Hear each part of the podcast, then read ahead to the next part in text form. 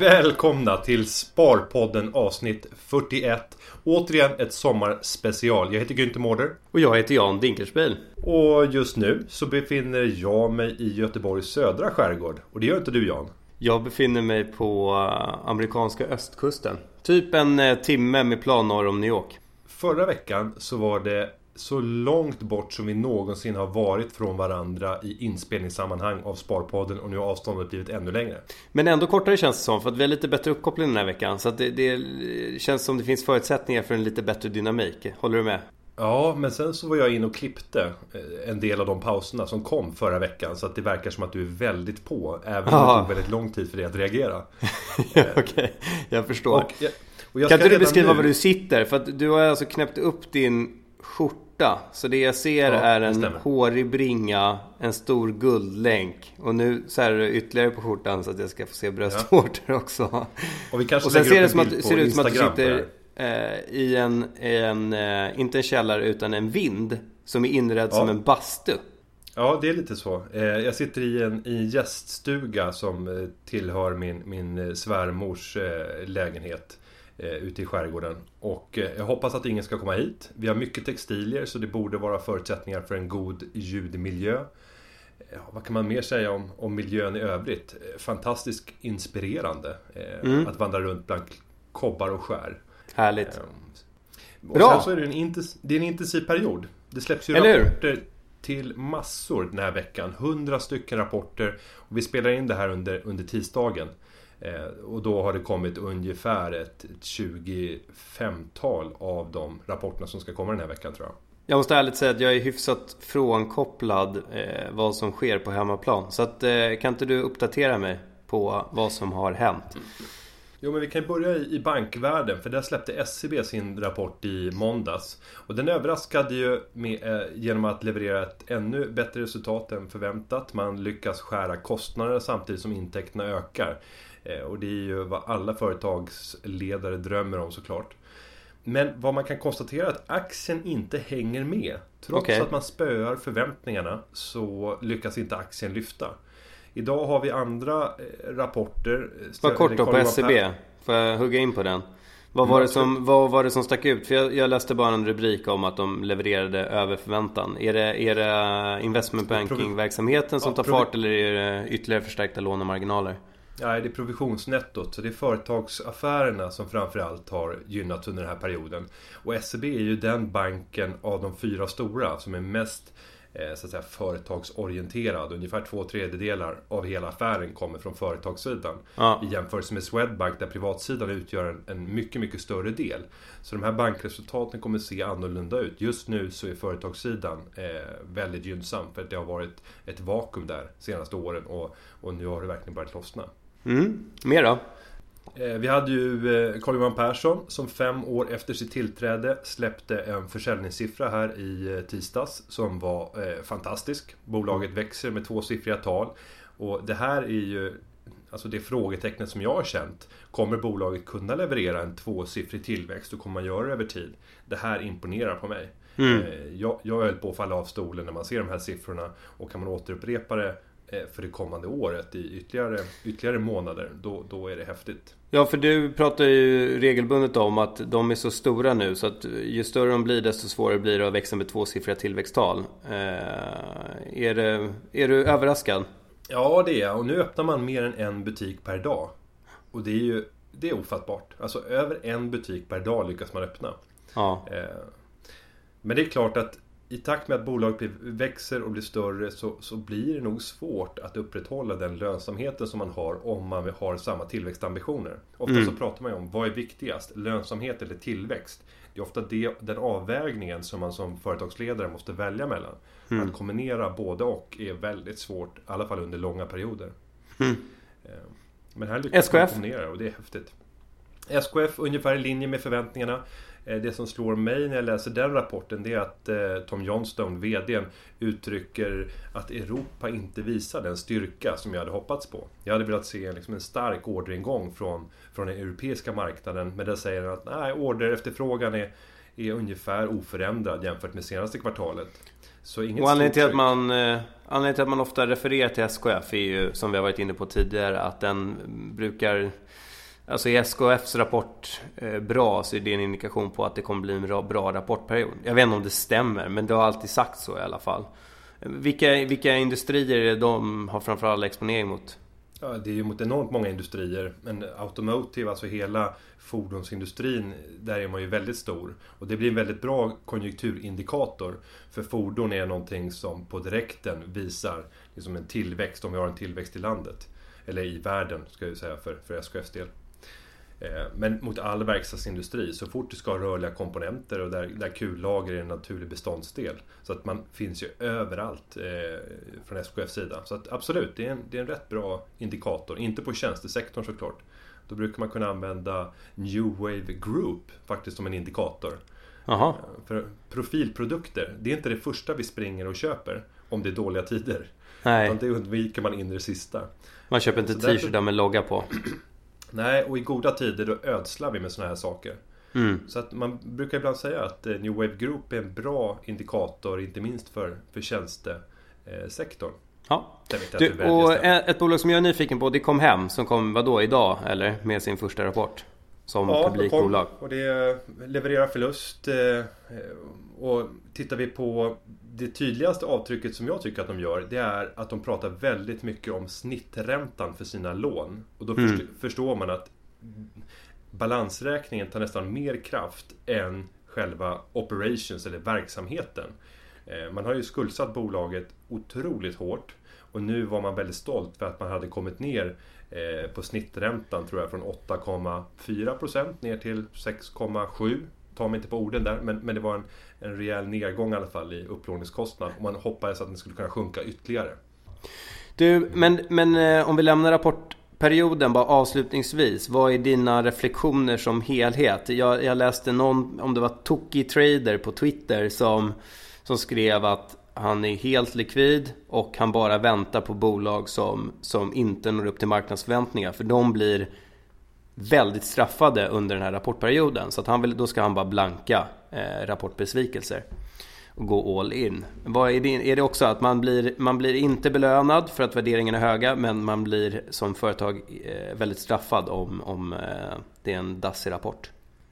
Ja, min, mitt generella intryck, och jag gjorde även en intervju för Rapport eh, här i måndags om det. Men sen klippte de ner den till de två mest meningslösa kommentarerna som jag fällde faktiskt under, under den intervjun. Eh, men om jag ska sammanfatta det så har ju börsen gått otroligt starkt de senaste åren. Vinsterna har inte alls kommit i den utsträckningen. Och det här gör att det blir nu svårt för bolagen med de högre värderingar som råder att kunna överraska positivt. Det är nästan uteslutande i de flesta fall. Eh, och även när man överraskar positivt som SEB i, i, tidigare i veckan så lyfter inte aktien. Och det här tyder ju på att vi har en mättnad på marknaden. Vi har handlat upp aktierna så pass mycket att det krävs enorma tilltag. Det räckte inte ens med att man gjorde en dubbelsänkning av reporäntan för att lyfta börsen mer än 1,4% tror jag under en dags tid. Därefter följde fem dagar ja. nedgång. Eh, och det här är ett tecken på att det är överhettat. Så jag är nervös, jag är försiktig. Och särskilt i de aktier som är uppe på rekordnivåer utan att resultaten är i närheten av rekord. Där ja. är jag försiktig och det gäller tyvärr många bolag just nu. Är det något bolag som har kommit in med en... Kan, Axis kom in med en kanonrapport va? Ja, de kom ju redan förra veckan. Ja. Den imponerade ju. Men där var ju förväntningarna dämpade. Axis ja. aktie är ju en av de som har gått sämst hittills i år bland storbolagen. Ja. Eh, framförallt då innan rapporten. Eh, men nu fick de en revansch eh, och levererade en, en jättefina siffror, vilket de alltid brukar göra. Och nu är man tillbaka då på plus för helåret eller sen årsskiftet. Men det har ju varit en jättetråkig investering innan. Ja. Sen hade vi Getinge. Getinges problem fortsätter ju. Eh, man kan liksom inte skåda ljuset i, i tunneln i de problem som, som har drabbat bolaget. Eh, och där är det, det har ju varit många privatsparare som har spekulerat i, i den aktien. Ja. Den är ner 5%, 5 igen i, Tråkigt. Idag. Du, eh, jag tycker vi går vidare till spararnas frågor. Vad säger du om det? Ja. Ja. Det gör vi absolut. Martin Richter. Och det här är ju... Eller... jag ska inte säga att det är kontroversiellt, men det visade sig vara kontroversiellt. För det här är alltså Martin Richter, onödigt, veta, onödigt vetande på Twitter, som skriver 22 320 kronor 98 öre eh, Hashtag gång på gång, hashtag sparpodden, någon annan som vill tjäna lite extra pengar så här i sommar. Tips! Och det här är ju då ett utfall på din, ditt, och nu kommer jag använda ett fult ord, men ditt eh, bonushoreri i Jaha. spelbranschen. Där du eh, beskrev ett riskfritt, eller så, så, riskfritt man kan komma, ett riskfritt sätt att, att faktiskt utnyttja spelbolagens bonusar för att tjäna en ganska stor summa. Ja, runt 15, 20, 25, 30 tusen. Och det finns tydligen ett begrepp på marknaden som är bonushora för det här. Och därför blev du kallad för det. Men, men det var ju många på bloggen då, på nordnetbloggen.se som var upprörda över att du som sparekonom befattade dig med den här typen av eh, ja, vad ska man säga, flamsiga typer av sätt att, eh, flamsigt, flamsigt sätt att, att eh, känna en hacka. Ja, och jag har full förståelse, för jag tvekade ju in i det sista eh, om jag skulle lyfta det här överhuvudtaget. Och jag har aldrig fått så många reaktioner på bloggen. Både positiva men framförallt negativa. De positiva väger fortfarande över. Men, men att få alltså uppåt 20% eh, eh, dislikes, alltså tummen ner. Det hör till ovanligheterna och särskilt om det är stora populationer, vilket det är. Jag tittar även på bloggstatistiken över det här inlägget som jag skrev som heter, tror jag, Tjäna 20 eh, 000 kronor riskfritt? Frågetecken. Mm. Eh, och det har ju renderat i mängder av kommentarer. Och jag sa ju redan inledningsvis att det här är utanför min roll. Jag tänker inte svara på eventuella frågor som kommer in. Jag vill inte rekommendera någon att göra det här. Jag försäkrar mig på korsen och tvärsen. Men, men ändå så provocerar det något, något otroligt. Och... Men är det oseriöst att som sparekonom där du ska eh, representera spararna att, att egentligen grötar in på ett ganska, ja vad ska man säga. Det är ju ett oseriöst sätt att tjäna pengar även om det visar sig att det är en hel del av våra lyssnare som faktiskt har gjort det.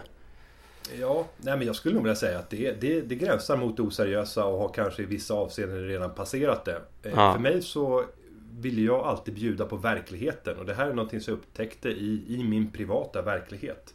Eh, och blev ganska fascinerad över det och gjorde, tog fram min Excel-modell. Eh, och ser ju fantastiska möjligheter. Sen om det är seriöst eller inte. Eh, sen ska man väl tillägga att i den här modellen som jag redovisade så blir ju alla spelbolag utom ett vinnare. Eftersom jag förlorar pengar till, till alla spelbolag utom ett och där plockar jag ut pengarna. Nej, men visst var det så att du kunde tjäna på flera olika? Ja, det, jag kan göra det. Men jag kan ja. bestämma mig för att jag plockar ut pengarna från ett konto. Och visst är det så att om, om, om det är väldigt många som gör det här och eh, tjänar 20 000 kronor på bekostnad av spelbolagen så kommer det eh, statistiskt sett jämna ut sig mellan vilket spelbolag ja. det är som, som blir förlorare. Absolut, det kommer ju bli liksom en normalfördelning utifrån hur populära och välkända och vilka bonuskriterier de har. Så att, Däremot kan man ju säga så här, man kan ju säga så här att att om, om, om, alla gjorde det här, om alla lyssnare och alla svenskar och alla, alla som satt i Europa med de här olika typer av spelbolagen med de här bonuserbjudanden gjorde det här, då skulle de sluta med det och då skulle eh, spelbolagen vara tvungna att konkurrera med andra typer av dimensioner än att eh, locka med en, en bra startbonus. Mm. Nej, absolut. Och he hela den digitala tjänste... Eh, alla digitala tjänsteföretag lockar ju med olika typer av produkter. Eh, så, så även Nordnet, jag tror att vi var inne på det. Ibland så har vi liksom kampanjer och, och har erbjudit att man får eh, 300 kronor i fonder om man börjar spara. Och det är ju också ett rent arbitrage. Går man mellan tio olika sådana banker som har ett sådant erbjudande så kan man ju hämta hem riskfria pengar. Men det som, är roligare, det som är roligare än kritiken är ju faktiskt att vissa har ju då berättat för oss och framförallt för dig kanske vad de har gjort med pengarna. Så vissa har ju tagit familjen till Legoland och andra har... Eh, jag såg en skärmdump på Twitter som var eh, en, en, en spegling av en Nordnet-depå med fyra stycken gratisfonder. En i Sverige, en i Norge, en i Finland och en i Danmark. Så, så det här var liksom ett startkapital för en av våra lyssnare. Vad, har du hört några andra stories? Ja, men, det är mycket investeringar och sen så folk som unnar sig någonting extra på semestern. Och jag menar Martin, 22 300 kronor. Det är ju, det är ju ett stort belopp eh, vi pratar om. Eh, och vilken skjuts det blir för en, en eh, person som, som lyckas på, på det sättet och kunna plocka ut pengarna. Så att eh, Ja, eh, grattis får jag säga. Men jag, återigen, jag vill inte, jag vill inte rekommendera grattis, det. men oseriöst. Vi, vi, vi går vidare. Mangold ja, ja. X. Eh, har ni möjlighet att förklara hur en ADR, ADR på amerikanska börsen fungerar och vilka risker som finns jämfört med riktiga aktier? Vad tänker du? Ja, men vi får väl förklara först vad det är för någonting. Ja. Eh, och en ADR, det är om man, om man ska ut, utröna förkortningen först så är det American Depository Receipt. Eh, och på svenska så förekommer det motsvarande. Och Receipt med P där i slutet eller ett stumt P? Receipt. Okej, okay. American Depository Receipt. Ja, förlåt. Bra. I Sverige så har vi eh, SDB, Svenskt Depåbevis. Till exempel Autoliv. Det är ju en aktie som är primärnoterad i USA men som handlas i Sverige med ett svenskt depåbevis. Och det är egentligen en direkt spegling av aktien. Eh, så att eh, Anledningen till att de finns överhuvudtaget det är för att många aktier vill man komma åt på andra marknader än där de är primärnoterade. Och det kan bero på att det finns en större grupp investerare som står beredda att köpa den här aktien. Eh, Autoliv till exempel är betydligt mer välkänt förmodligen bland svenska investerare än bland amerikanska. Eh, och, och motsvarande sak finns även i USA och i Tyskland och i, i, i England. Där vi ser framförallt bolag från omogna marknader som väljer att dels ha en notering kanske i Moskva och sen så skapar man ett depåbevis på någon annan marknad eller flera andra marknader. Exakt. Så det handlar helt enkelt om att eh, vissa bolag vill, vill notera sin, sin aktie på även, en, ytterligare en börs där de gör en bedömning att det finns ett sug efter aktien. Till exempel så är det ju massa miningbolag som är noterade i... i eh, Ja, Kanada är ju den mest populära Toronto-börsen. Ja, jag, tänkte säga, jag tänkte säga Kanada och någonting annat. Men jag kom bara på Kanada. Så det är ingen... Det är ingen. Men Orexo till exempel, det här medtechbolaget som är eh, flitigt handlat av, av eh, spekulanter får man väl ändå säga. De har ju noterat sig även i USA tror jag. Eh, för att det är där som de har gått in kraftigt med sina marknadsföringsinsatser. Så då tror de att det finns ett intresse för, för, för det läkemedlet och den aktien i USA. De har en parallell. Svaret är kort och gott, det finns ingen risk. Det här, alltså jag tror till och med att det fanns en fanns en, eh, vissa sitter ju och handlar både den amerikanska då, eller historia, jag vet inte om det sker fortfarande, men så här, högfrekvenshandlarna satt och handlade den amerikanska aktien, satt och handlade den svenska aktien och sen satt man och bytte över. Så du kan ju byta ett amerikanskt depåbevis mot, ett, mot en svensk aktie. Och så satt man och gjorde, ja. Eh, det fanns en arbitragemöjlighet där. Ja, fast det där, det, så enkelt är det inte. Nej. Nu kan lätt våra lyssnare som kanske sitter på Nordnets plattform tro att man kan köpa den eh, Ericsson depåbevis i New York och sen byta det till Ericsson B-aktie. Mm. Och, och, så, så enkelt är det inte. Det finns ingen knapp på Nordnet där man kan göra det. Nej, det är ingen superenkel process, men det går att göra. Nej. Ja, det, beskriver det. lite om riskerna. Alltså det finns, inte, det finn inga ökade risker att äga en Nej. amerikansk ADR jämfört med att äga stamaktien. Sen, sen är ju alltid eh, ADR eller SDB noterad i den lokala valutan. Och, och därför så kan det se konstigt ut procentuellt när man tittar på avkastningarna. Om man då jämför en, en amerikansk aktie och tittar på kursutvecklingen och sen så låt oss säga att de hade en SDB i Sverige. Ja, eh, så, så vi går vidare. Varit annorlunda. Vi går vidare. Ja. Jakob tackar för en bra podd. Han är 23 år gammal, har fått ett nytt jobb som betalar hyfsat bra och han vill gå in på bostadsmarknaden. Ehm, och sen så är han lite skeptisk och lite rädd för att man läser ju regelbundet och han läser regelbundet att det är dags för en sättning på bostadsmarknaden. Vågar man ta ett lån på en och en halv miljon nu och köpa en lägenhet? Eh, många säger att det ser ljust ut, men är det inte när det ser som ljusast ut som det är dags för typ storm? Tror jag han skriver. Så vad är din rekommendation? 23 år, tjänar hyfsat bra, vill ta ett lån på en och en halv miljon och ge sig in på bostadsmarknaden? Herrejösses, alltså en och en halv miljon i lån i, i dagens läge, det är inte mycket pengar. Eh, även om det är en otroligt stor summa pengar så sitter de flesta som har en bostad i Stockholm, Göteborg, Malmö med, med lån som ligger i paritet med det eller till och med över. Man måste ha någonstans att bo. Om vi då ska börja bryta ner, vad kostar en och en halv miljon per månad? Eh, och räknar jag ut det, om du lyckas förhandla dig fram till en ränta som är 2 det är alltså 0,44-0,45 under listpris. Så det är en, en ganska okej okay första prutning. Mm. Eh, många, många kommer komma ner till 1,7 till och med i det här läget och vissa 10% kanske klarar att komma ner ännu lägre. Just det, sen brukar du alltid räkna in ränteavdraget i det här också som ger ytterligare ja, en effekt. Ja visst. Så varje miljon kostar 1170 kronor ungefär. Eh, och det innebär att vi ligger på en kostnad på 1750 eller 1755 kronor efter ränteavdraget per månad. Ja. För en och en halv miljon i lån. Ja. Eh, och har en avgift på det, låt oss säga att det är en, en etta. Det kan inte vara så mycket större, nu vet vi inte var den här lägenheten är då. Eh, men, men är det en etta så är det väl ovanligt med avgifter över 3000 kronor. Då har du mm. en boendekostnad på, på 4755.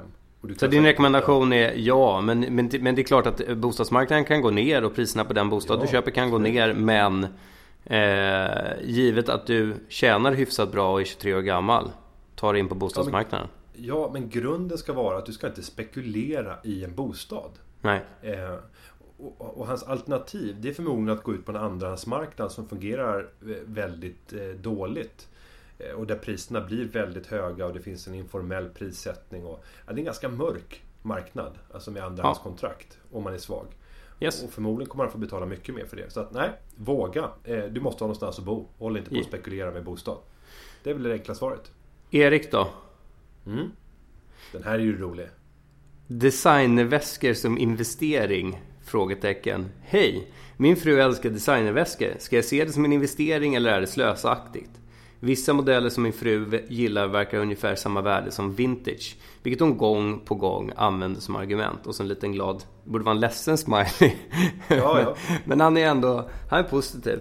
Ska jag gå med på det? Vi kan spara fina pengar trots designerinköp. Ja. Vad säger du Günther som regelbundet köper fina saker till din hustru? Ja, jag brukar köpa mycket designväskor alltså. Nej, men om vi tittar på väskor Är det, är det Carolines... Eh, alltså skulle hon bli så här rörd till tårar om du kom hem med en designerväska en gång? För att det är så, det är så out of character att, att det skulle vara chockartat. Så att hon liksom skulle... Hon skulle gå ner på knä och, och, och falla ihop och tårarna skulle liksom... Nej, jag falla tror ut. Att det, att det skulle kunna bli liksom nästan förbannad och en misstänksamhet. Så vad, vad är det som har hänt? Vad, vad har du gjort för någonting? Vad, vad, varför, varför kommer du med det här? Ja, du tror det? Jag, jag, ja, jag, jag tror att du har fel. Ja, jag vet inte. Men, men, för att hon förstår att det här skulle liksom inte... Jo, det skulle kunna hända. Jo, banne mig, det skulle det kunna göra. Nu kommer hon höra det här. Vad menar du? Förväntningar. Nej, men det skulle kunna hända. För nu kommer jag till svaret på frågan. Och absolut, rätt köp skulle kunna vara en investering. Problemet med den här typen av investeringar är att transaktionskostnaderna är väldigt höga. Om jag tittar på vad det kostar att sälja saker. Varför pratar du om saker som du inte behärskar? Men okej, okay, jag låter det fortsätta. Jag, har precis eh, tidigare år köpt eh, persiska mattor från Bukowskis. Och vet vilka, vilka avgifter som finns. Jo men sydde du en väska av det eller vad är det frågan om? Ja, fortsätt. Nej men det jag, vill kom, det jag vill komma till. Lyssna på mig nu Jan. Lyssna på mig. Jag lyssnar. 15-20% brukar en normal transaktionsavgift vara för att köpa och sälja eh, antikviteter och, och liksom exklusiva föremål på olika typer av auktionshus. Och 15-20% det är mycket pengar i transaktionskostnad. Det gör att man kan inte hålla på att trada med en sån här produkt. Man springer inte iväg ena dagen om man inte gör fantastiska. Okej. Okay. Får, jag köra mitt, ja, men får jag köra mitt svar nu? Ja men, ja, men börja så, så återkommer jag. Ja, jag tror om, om, om Erik köper en väska, typ säg eh, en Chloé-väska då. Så är det ju inte så att han springer till Bukowskis eller hans hustru springer till Bukowskis och säljer den med någon 20% i transaktionsavgift. Utan den läggs ut på Ebay alternativt Blocket eller någonting sånt. Men, men jag, tog, jag tog ju experthjälp. Så jag frågade min hustru och hon skrek NEJ! Eller inte riktigt så skrek hon. Eh, men hon, hon, hon sa nej. Eh, och då sa jag, men, men är det inte så att om, man, om, man, om Erik tar i sig att det kräks att det finns ett, ett andrahandsvärde? Eh, därför att jag ofta hört om den. Det finns ju en, Hermes gör ju en Kelly bag som jag vet inte om den kostar. Det finns i olika varianter. Men jag tror att den billigaste kostar 70 000 vänta, kronor. Vad, vad, är en, vad är en Kelly bag? Ja men Grace Kelly, alltså de sydde upp den historiskt. Känner du till ett märke som heter Hermes? Hermes? Hermes. Men de har en Kelly bag i alla fall. Den kostar, jag tror att den billigaste varianten kostar 70 000. Och sen så blir det bara mer och mer läder och mer och mer krokodil. Och sen så tror jag inte det finns något stopp för vad den kostar. Så att om du vill köpa det. Men, men då, hon nämnde Chanel, Louis Vuitton, sådana här resväskor och Hermes. Att de har ett bra vintagevärde som är i paritet med det med, med, med inköpsvärdet. För att jag tror att en Kellybag då som då kostar 70 000 i sitt grundutförande. Jag tror till och med att det är, alltså det är en väntelista på att få den. Jag tror att man får vänta ett år innan du får den väskan. Så då om den är i fint skick så kan du få tillbaka pengarna direkt. Men att hålla på och köpa sån här 10 till 15 000 kronors kategorin. Nej, Eriks hustru, det är inte en investering. Du kommer inte att tjäna pengar på att köpa det. Så att eh, liksom, vill du göra din hustru glad, fortsätt köpa det. Eh, men inte i tron om att du ska få tillbaka pengarna. Nej, och ska han tänka på någonting annat så är det att köpa en story. Ofta med gamla saker, om man köper vintage, så vill man ha vad har den här produkten varit med om? Oavsett om det är en antik båt eller en möbel eller kanske en designerväska. Har den tillhört någon spännande person? Alltså kan du sälja det på det? Eh, och, och där tror jag att det skulle kunna finnas liksom samlarvärden. Sen är det väl alltid så att om Erik skulle hitta en designer som råkade slå, ungefär som i konst. Man lyckas hitta en konstnär tidigt. Sannolikheten är närmast minimal och särskilt om man inte har djupa kunskaper. Och köper den första utgåvan, eller liksom första exemplaren av den här designen. Eh, I en miniproduktion. Och sen ja. slår den. Då är det ja. klart att du kan tjäna pengar, men det, men det är så osannolikt. Så det eh. Det är högst osannolikt. Alltså man ska inte underskatta de här eh starka modehusens eh, kraft att sälja skit för väldigt mycket pengar. Det, jag, inte, jag, kan inte, jag kan inte erinra mig, jag tror inte ens om jag frågade min hustru att hon skulle kunna komma på en enda designer som har kommit från ingenting och sen blivit allting och där det finns någon typ av andrahandsvärde på liksom, den första versionen av den här handväskan som den här personen gjorde som har ett eh, väsentligt värde. Så jag tror att det är, jag tror inte att det går utan eh, du får ta i så det kräks och köpa klassiska märken om du vill ha ett andrahandsvärde annars är det bara att se det som en, en eh, eh Günther slöseri. En Günther? Nej, en Günther är att spara. En, ja, en, icke, en icke-Günther. En anti-Günther. Du, vi går vidare. Ja, jag känner en viss stress som du noterar för att jag har ju familjer på promenad och allt sånt där för att du ska få den tystnad i, i dialogen som du kräver. Jag, jag, jag har också familj på promenad men, men ni bor så litet så att de kommer tränga sig på er men inte mig. Ja. ja. Gabriel skriver Enligt många analyser ska man ligga i marknaden när index är över MA200. Du får beskriva vad det betyder sen. Och ur när index ligger under skapa en sådan fond? Frågetecken. Mm. Det här är spännande. Eh, vi ska berätta först vad MA200 är och det är Moving Average 200 dagar. Och det är ett glidande medelvärde över 200 dagars tid. Och det har man helt enkelt räknat Glidande medelvärde på vad? Jo, man tar 200 senaste handelsdagarna och tar stängningskurs för den för ja. varje enskild dag, 200 dagar. Och sen dividerar man det med 200. Och så gör man det varje ny dag. Och då kommer man få en graf som släpar efter eh, den verkliga kursen. Eh, den kommer röra sig som kursen men släpa efter. Den kommer ha lägre toppar och lägre och, och högre bottnar än vad den verkliga grafen har eftersom det här är ett genomsnitt. Och då brukar man säga att när kursen befinner sig över det långa glidande medelvärdet, alltså MA200, då befinner sig marknaden i en positiv trend. Och på motsvarande sätt när kursen eller index befinner sig under eh, det långa glidande medelvärdet är vi inne i en negativ trend. Och då ska man köpa när vi befinner oss i en positiv trend och sälja när man befinner sig i en negativ trend. Och om jag nu väljer att göra det vi kan ta det på ett, ett index. Jag tar fram Six Return Index för så mycket historik som jag har i min databas här. Och det är 17 år ungefär. 16 år och eh, 9 månader kan jag få fram och så väljer jag att göra ett eh, test där jag hade investerat eh, i eh, MA 200 mot MA 30 tror jag att jag använder, inte kursen. Utan ett lite kortare glidande medelvärde.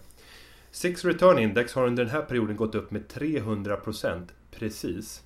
Och om jag hade använt den här strategin, alltså att köpa när det långa glidande medelvärdet befinner sig under det, det medellånga, i det här fallet 30 dagar. Då hade vi fått en avkastning på 571%, alltså brädat börsen fullständigt. Dessutom så hade vi bara varit på börsen i 69% av tiden.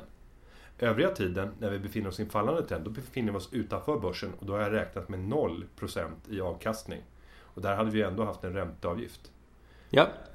Och då till Gabriels fråga. Skapa en sån här fond. Varför har, eller vet vi att det inte har skett? Eller tror du att det har, finns det i USA tror du? Ja, jag tror definitivt att det finns i USA. Alltså en indexfond som tiltar.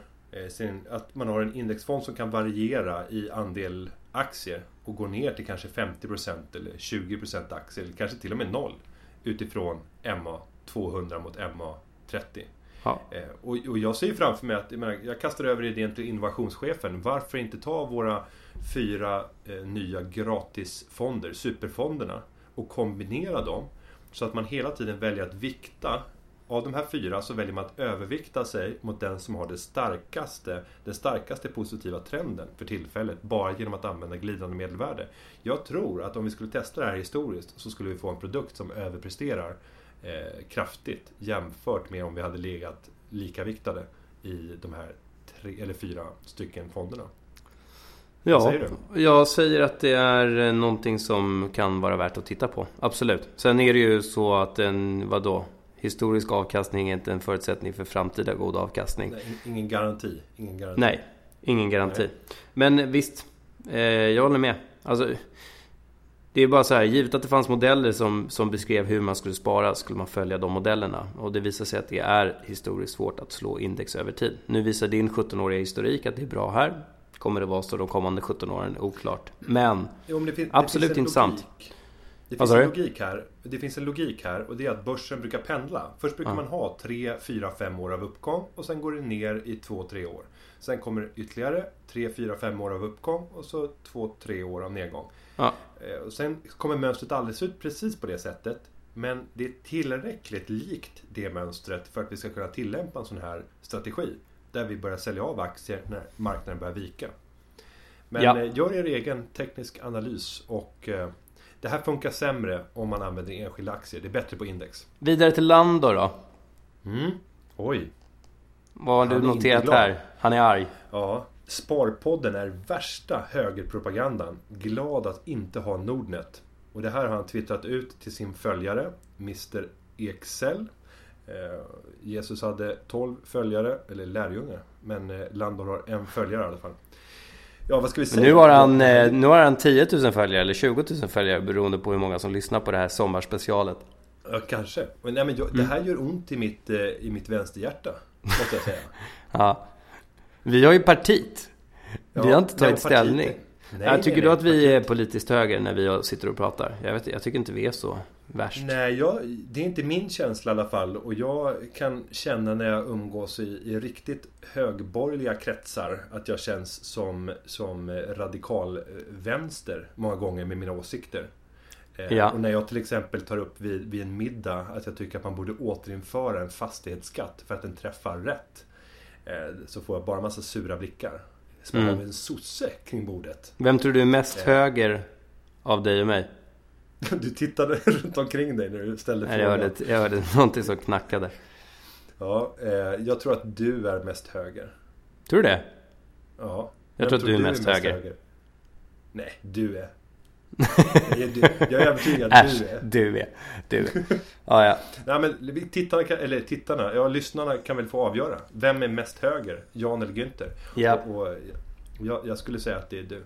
Emil. till Emil. Eh, har, kan lägga undan 5000 kronor i månaden. Eh, har som ambition att bli miljonär.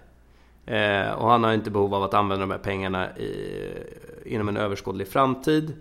Hur tycker du att jag ska investera? Säger då Emil. Ja, miljonär. Det är ju jätteroligt.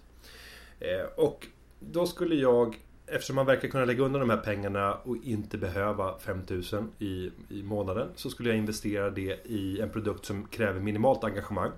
Jag skulle dela upp det på superfonderna för att bara få indexexponering.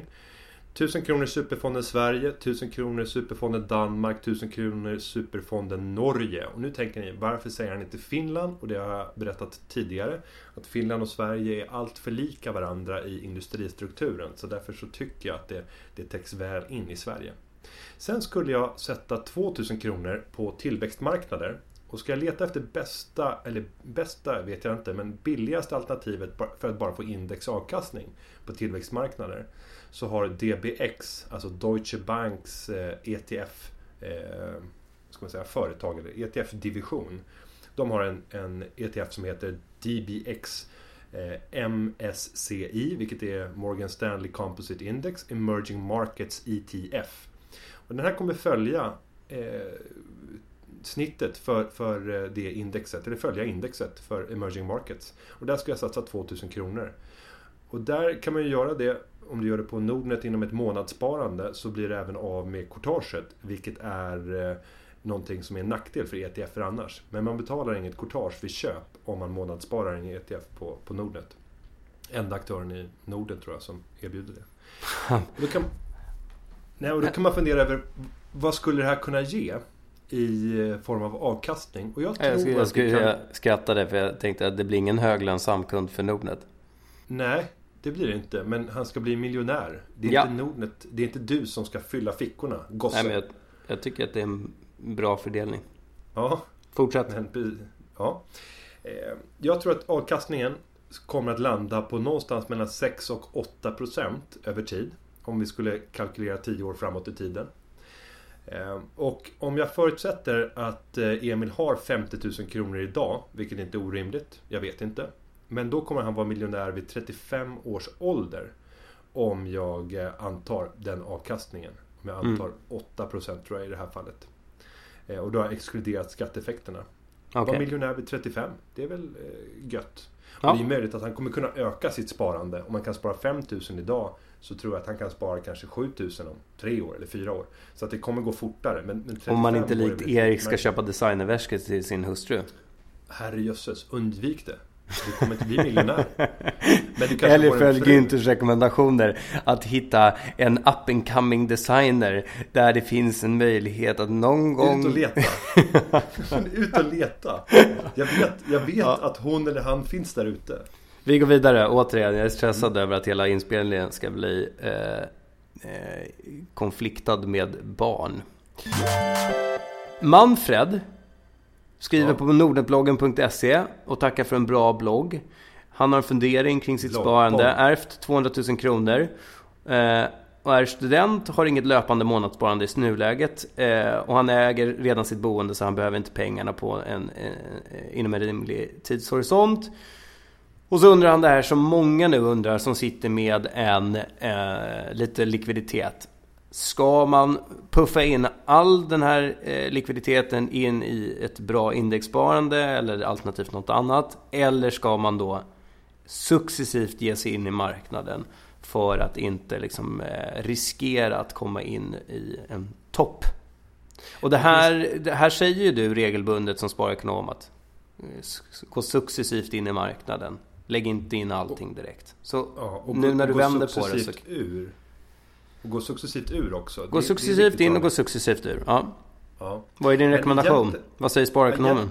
Egentligen så har jag fel i mitt resonemang när jag säger på det sättet. För att det som kommer avgöra din avkastning är framförallt tiden som du utsätter dina pengar för risk. Ju längre tid, desto högre avkastning. Och med det sagt så skulle jag egentligen rekommendera in med allt omedelbart. Men nej, jag står beredd personligen att ta en lägre avkastning om jag vet att börsen just nu är glödhet. Visst, den kan fortsätta, mycket väl. Men vi har haft flera starka år på rad. Vi är inne på tredje året av stark uppgång. Och därför så skulle jag vara försiktigare och gå in successivt istället. Även om jag vet att jag rent statistiskt kommer att förlora på det. Eh, och samma sak skulle gälla om jag skulle gå ut ur marknaden. Då vill jag gå ut successivt. Så att eh, det är min rekommendation till honom. Ja. Um, goody goody. Ska vi ta en, ska vi ta en sista fråga? fråga? Vi har ju lovat att vara kortare ja. så här i sommartider också. Eh, var vårt senaste avsnitt bara 30 minuter långt eller? Nej, 43. Ge dig. Ja, det är omöjligt för oss. Sista mm. frågan. Eh, Dan Gyllensvärd. Heter han så mm. tror du? Ja, fan, ja, det tror jag absolut. Det du låter... Det låter taget. Jag tycker det låter jättevackert. Jag tror att han ja. är adlig och du är bara avundsjuk. Ja. Eh, han undrar, hur ser, du på in, hur ser du på investering i egen och familjens hälsa? Billigast möjliga mat på Lidl versus ekologisk dyrare mat. Mm. Ja, det här det känns nästan som att det är lite kritik mot mig inbyggt i den här frågan. Ja, lite. Eftersom jag handlar en hel del på, på Lidl. Äckliga tillsatser som du trycker ner i dina, dina barn som du älskar. Eller eh, närodlat utan eh, besprutning. Till, eh, Nej, till jag... dina vackra frodande Nej, ungar. Nu ska jag berätta en sak här och det är ju att bara för att det är ekologiskt så vill jag hävda att det inte behöver vara hälsosammare. Eh, om du tar de här prefabrikaten med färdiglagade rätter som är ekologiska så tror jag att nej, det är nog alltid bättre att laga maten själv. Och det är väl det som jag försöker fokusera på, att, att laga maten från grunden, för det är då man sparar som mest pengar. Eh, och sen är, är det då oavsett om man har köpt ingredienserna på Lidl och det finns även ekologiskt där ska tilläggas. Det finns mycket fördomar. Det känns som att jag sitter som någon marknadsansvarig från Vi, vi vill tacka Lidl. Lidl, vår sponsor. Ja, jag, jag noterade att när jag flyttade till Sollentuna så etablerade de en Lidl precis där jag bor. Eh, Oj. Det var liksom... Ståfräs. Jag tror att de såg att jag var på väg. Huh. Nej men jag tror att det går att kombinera eh, billigt och eh, hälsosamt. Eh, om, om man väljer att köpa... Men du tror alltså att en, en kyckling eh, som ligger på eh, hyllan på Lidl har haft ett lika festligt liv som en kyckling som du köper som en, i din lokala närbutik på, på, på västkusten? Ja, min lokala närbutik här, det är liksom en Konsumbutik som... Ja, men strunt i Konsum. Ta den där lilla, han, den här handlaren som ni älskar att gå till. Eller hen. Då är det så, då är det så här bondgård. Men hur många går ut till en bonde för att liksom... Ja, vilken kyckling vill du ha? Vilken ska vi slakta? Ja, men vi tar den där. Men det funkar inte så. Eh, så att... Eh, nej, men jag förstår vad han, är, vad han är ute efter.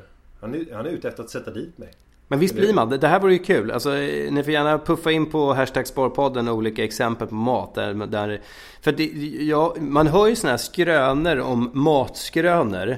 Som gör att man får svårt att konsumera det varumärket efter att man har hört det. Jag, jag, alltså jag tänker på... Jag har bara hört en gång att, att, och det här är verkligen disclaimer på det här, för det är säkert bara skröna, men att det var någon, alltså att någon har känt lukten in i en Diet Coke-fabrik. Eh, och efter att ha känt den där lukten av det här sötningsmedlet så kan man aldrig mer dricka diet-cola. Eh, det är en sån här story. Det andra är att det finns ju massa YouTube-filmer på produktionsapparaten av Chicken McNuggets.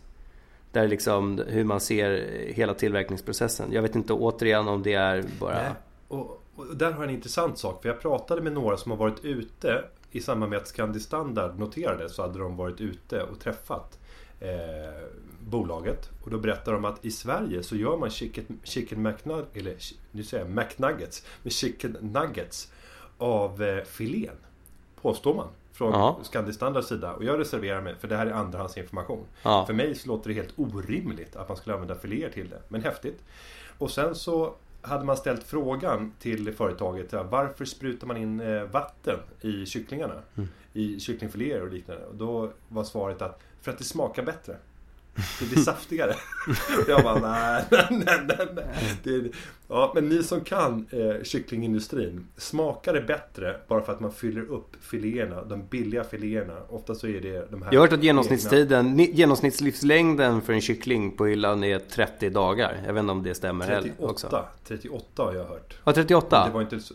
Ja, det var jag hört. Ja. Eh, upplys oss. Förmodligen 3,5 på Lidl det är ut ur mamma, genmanipulera till Günther Mårder. Ja, nog om det. Vi pratar om saker vi inte behärskar. Ja, herrejösses. Men nu Som så ofta. Njuta av sommaren. Och det här, det så här från en årets pensionsspecialist till en annan. Ja, en riktigt eh, glad sommar. Och det här avsnittet ska klippas av Günther Mårder himself. Det här kan gå precis hur som helst. Och inspelningen har också gjorts av den samme mannen. Och Jan Dinkelspiel. Tack så ja. mycket. Nu säger ja. vi tack och farväl. Hej! Tack, ha det gott. Hej då!